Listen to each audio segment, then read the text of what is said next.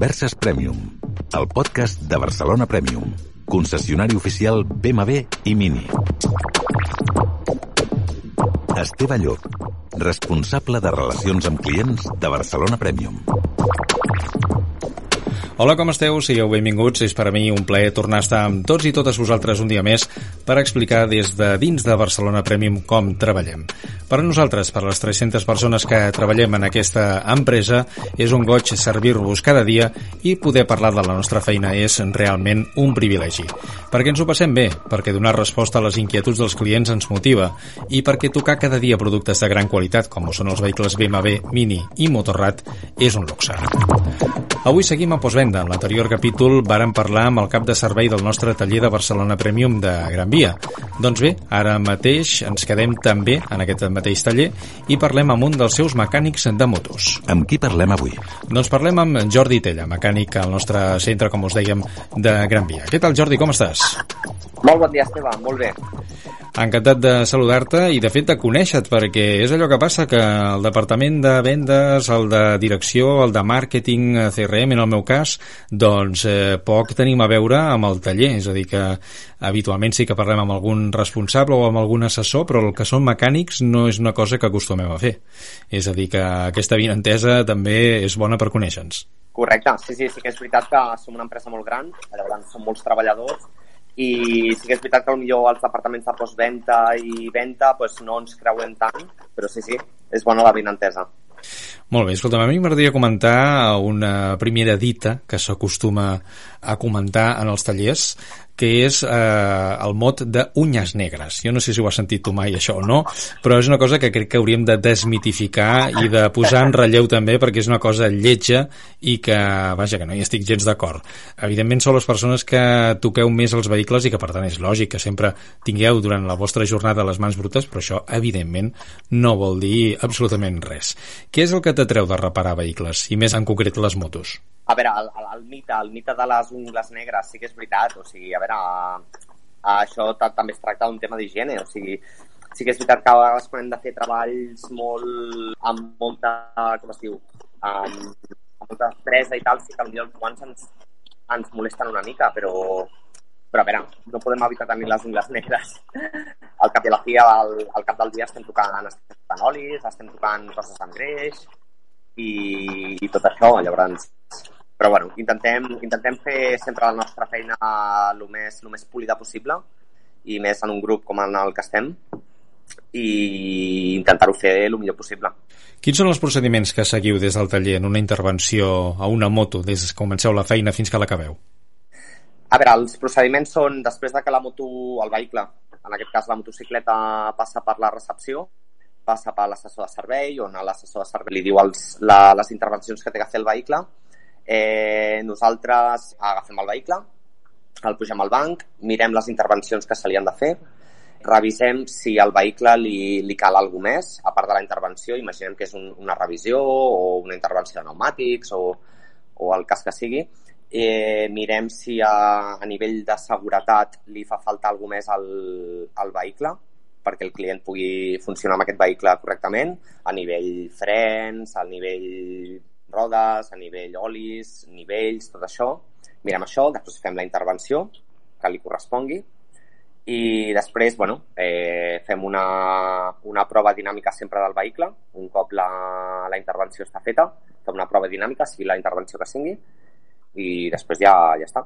Rentem el vehicle, que quedi net i polit, com sortit de fàbrica, i, i entregar-lo. Hi ha una cosa que sempre he pensat amb la neteja de les motos, concretament, quan venen al taller, que és quins productes s'utilitzen per netejar la moto, perquè és el que dius tu, de vegades la moto l'agafes i tu, per molt que t'ho proposis, no la pots deixar neta, igual que, que es fan al taller. Llavors, com ho feu, això? Bueno, tenim uns, uns productes molt especials, sobretot a nivell de, de rodes, tenim, bueno, tractem amb dos o tres productes. Els més importants són potser uns productes que el que treuen és a nivell de rodes, que treuen, perquè quan un vehicle està funcionant i frena, el fre deixa anar, deixa anar una partícula, que és el, el, el ferodo, es coneix amb aquest nom, i això és una partícula que embruta molt. Llavors tenim un producte especial per netejar el que és la zona de rodes, zona de transmissió, la zona baixa del vehicle, per entenguem. I després tenim un altre, uns dos productes més que sobretot a nivell motocicletes, eh, a més amb la marca que estem, que són BMW, BMW, és una moto que és per viatjar, llavors la, el 90% dels vehicles que entren aquí entren amb molt de residu d'insecte. O sigui, perquè m'entenguis, la part frontal del vehicle està molt afectada per insectes, perquè són gent que viatgen, que, que fan rutes. Llavors tenim un producte per deixar anar aquest insecte i després un producte per polir. Llavors fem un, un rentat a pressió i un secat a, i un secat a mà perquè quedin el més, el més bé possible. Bé, és el que diem, nosaltres tenim un servei premium, per tant, en algun lloc s'ha de notar aquest sobrecost que al final el client acaba pagant, no? Però, clar, tens, diguem, una feina feta amb cara i ulls i del principi al final sense deixar cap detall, no? Quina és la moto preferida eh, per a tu, per a fer-li un manteniment o una reparació? Hi ha algun model que diguis, home, aquest sí que m'agrada més que no pas eh, un altre? A nivell reparació, mm, et podria dir que tot vehicle que munti un, un motor de 1250 GS, o sigui, em refereixo, o sigui, tenim la gamma de BMW, és molt àmplia, però dintre de la gamma BMW tenim cinc models, si no m'equivoco, que munten el motor eh, 1250 Boxer. Aquest és el model que ens agrada més tocar a mi personalment i al resta de mecànics eh, d'aquí de Gran Via també, perquè és un model que tenim molt per la mà, que a nivell revisió està molt ben fet perquè ens deixa tocar-lo molt bé, el motor. És un motor que li podem canviar l'oli molt fàcilment, que li podem canviar els olis del cardan, que, que la, la revisió es, es fa una cosa... Es, és molt simple i és agraïda. És una moto molt agraïda, de fet tot el que siguin tota la gamma dintre del, del motor boxer és super agraïda de, de treballar. Tu que veus aquests motors per dins i que veus el resultat que tenen al llarg dels anys també, perquè són motors indestructibles pràcticament, què destacaries eh, com a virtut d'aquests eh, motors a nivell d'usuari? Ja no parlo de mecànica, perquè jo sí que no en tinc massa idea d'això, sinó a nivell d'usuari. Si jo tinc una moto, un motor boxer, o tinc la intenció de comprar una moto i no tinc això del boxer, què és el que em diries per convèncer-me? Jo el que tinc clar és, el, és la conducció que té, ja no només a nivell motor, sinó a nivell, a nivell general del, del vehicle, de la moto. O sigui, et posaré com a exemple una 1250 GS. És el conjunt. O sigui, tenim un motor molt lineal que et dona potència a qualsevol lloc on li demanis. Ja no t'estic dient conducció esportiva, sinó t'estic dient fem un viatge, fem una sortida tranquil·la. És un motor superlineal que està, sempre t'està entregant potència Eh, a nivell suspensions és un, és un vehicle superbo, és un vehicle que equipa eh, suspensions electròniques a l'ESA dinàmic i això eh, t'ajuda a tenir un viatge molt més, molt més suau. És una, són suspensions regulables electrònicament, que si tu vols tenir de dir, mira, surto un diumenge i avui vull fer el tonto, pues, tu pots posar en un modo més, més agressiu. Però si el que vols és sortir i anar tranquil, tens un modo més confort. Sigui, és el conjunt del vehicle que pots fer que si un dia vols anar una mica més alegre o un dia vols anar molt més tranquil, et dona aquesta opció al vehicle. O sigui, a nivell general és molt bon vehicle. Molt bé, ara vaig a posar, diguem, en una situació una mica límit. Ara ens posem al lloc del mecànic de motos, no diria del futur, sinó del demà, pràcticament. Les motos elèctriques. Desapareix el motor de combustió. Eh, la resta de components de la moto són pràcticament iguals. Tens eh, una bateria més gran i més pesada, per tant, eh, tens un xassis, tens unes rodes, tens uns frens, tens una part eh, electrònica que cada vegada té més importància, però també tens un motor elèctric, que ja no és un motor de combustió, que requereix menys manteniment i que té unes prestacions absolutament diferents. Des del punt de vista d'un mecànic, com ho veus, això? A veure, jo et parlo de... O sigui, opinió personal.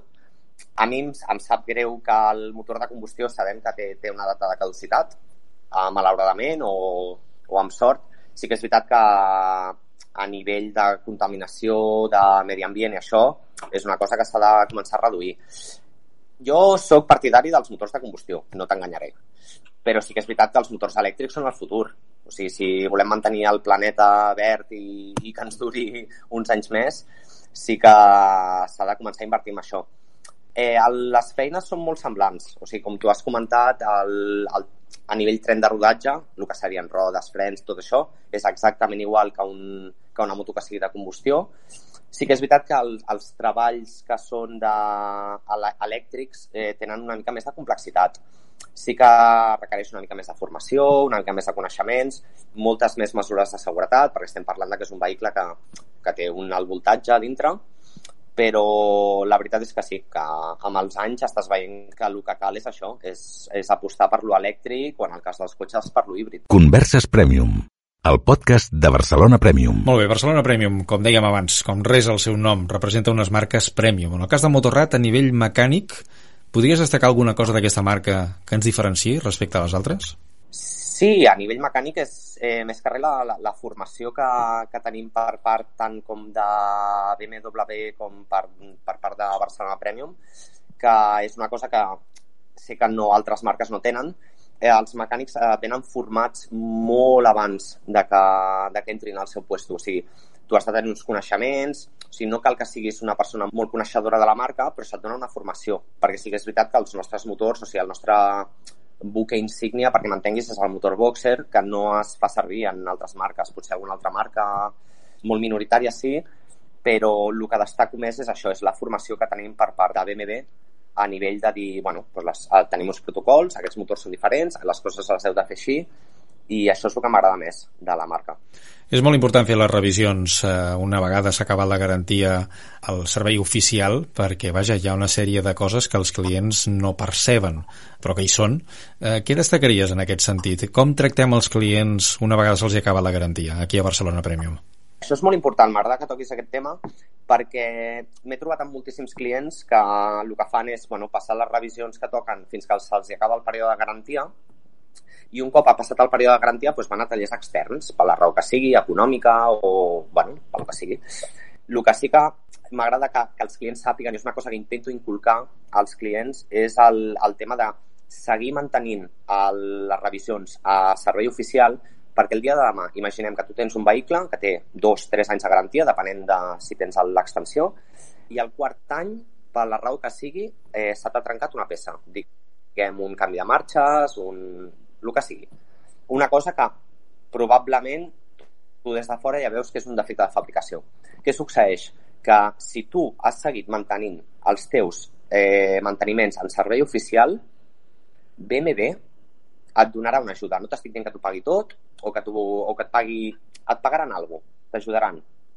T'ajudaran en aquesta reparació inclús que estiguis fora de garantia. Perquè tu has mantingut aquests serveis oficials i BMW t'ajudarà.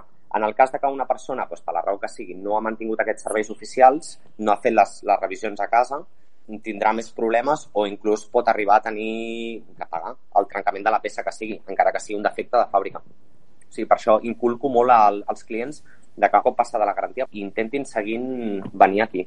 Per això és molt important. Cara BMW, per si el dia de demà jo he vist motos amb 3 anys, 4, 5 anys fora de garantia que el client ha seguit venint a casa, ha seguit venint a BMW, a Barcelona Premium, i se li va trencar certa peça i BMW va veure que el senyor ha passat les, les revisions i bueno, doncs BMW s'ha fet càrrec perquè ha considerat que aquesta peça que s'havia trencat doncs no, no, no li tocava trencar-se. A més a més, a nivell de vendes, per exemple, hi ha una qüestió molt important a tenir en compte, que és que si tu tens un vehicle amb les seves revisions oficials sellades en un concessionari oficial i després has continuat fent els manteniments que indica el fabricant en aquest concessionari o taller oficial, doncs clar, tens un plus, no? Perquè tens una moto, en aquest cas, que la seva revenda té molt més valor que no pas una moto que vés a saber on s'ha reparat i què se li ha fet, no? Correcte, correcte. O sigui, un vehicle que, en el, com tu dius, que el llibre d'usuari té sellades totes les revisions que ha passat sempre en casa oficial, és un valor afegit a l'hora de, de revendre aquest vehicle o, o inclús a l'hora de revendre el, el mateix concessionari. O sigui, jo no parlo per ventes perquè no, tampoc entenc gaire, però sempre que un vehicle s'agafa aquí, quan es torna d'un Selec o quan, quan s'agafa un vehicle extern, eh, sempre té molt més valor un vehicle que hagi passat les revisions en casa oficial que no diem que els mecànics de fora no siguin, no siguin bons, òbviament, però els estàndards que es marquen a BMW i sobretot a Barcelona Premium són molt alts. Llavors, això és un, és un plus afegit. Molt bé, Jordi. Doncs escolta, m'ha sigut un plaer poder parlar amb un mecànic de motos, que és una cosa ja bastant especialitzada a casa nostra, i res, eh, t'emplacem a parlar amb tu més endavant en el futur, quan tu vulguis, amb un altre capítol d'aquí al nostre podcast, i també els teus companys, si els hi vols dir, els que vulguin participar, que tenen els micròfons oberts, nosaltres encantats, d'acord? Serà un plaer, Esteve. Moltes gràcies per tot. Molt bé, a tu. Que vagi molt bé. Gràcies. Adeu. Doncs els que ens esteu escoltant, recordeu que teniu disponible el nostre podcast a diverses plataformes. Eh, estem a ebooks, iVoox, s'escriu, i llatina, B baixa, O, O, X. Podeu baixar-vos l'app al telèfon mòbil, la subscripció és totalment gratuïta i així cada vegada que tingueu un capítol nou penjat al nostre perfil, doncs us arribarà un avís i podreu escoltar-lo. També estem a iTunes, a la plataforma d'Apple, també estem a Spotify i també estem a Amazon Music. Eh, podeu descarregar eh, demanant a Alexa directament per Conversaciones Premium, que és el nom del nostre podcast, els nostres eh, capítols en aquesta plataforma. Gràcies per la vostra atenció. Fins aviat. Cada setmana et convidem a conèixer una mica més de Barcelona Premium a Converses Premium. Si no vols perdre't cap capítol del nostre podcast, pots subscriure't de franc a ebooks, Spotify o Amazon Music. Barcelona Premium, el teu concessionari BMW i Mini. Fins al pròxim capítol.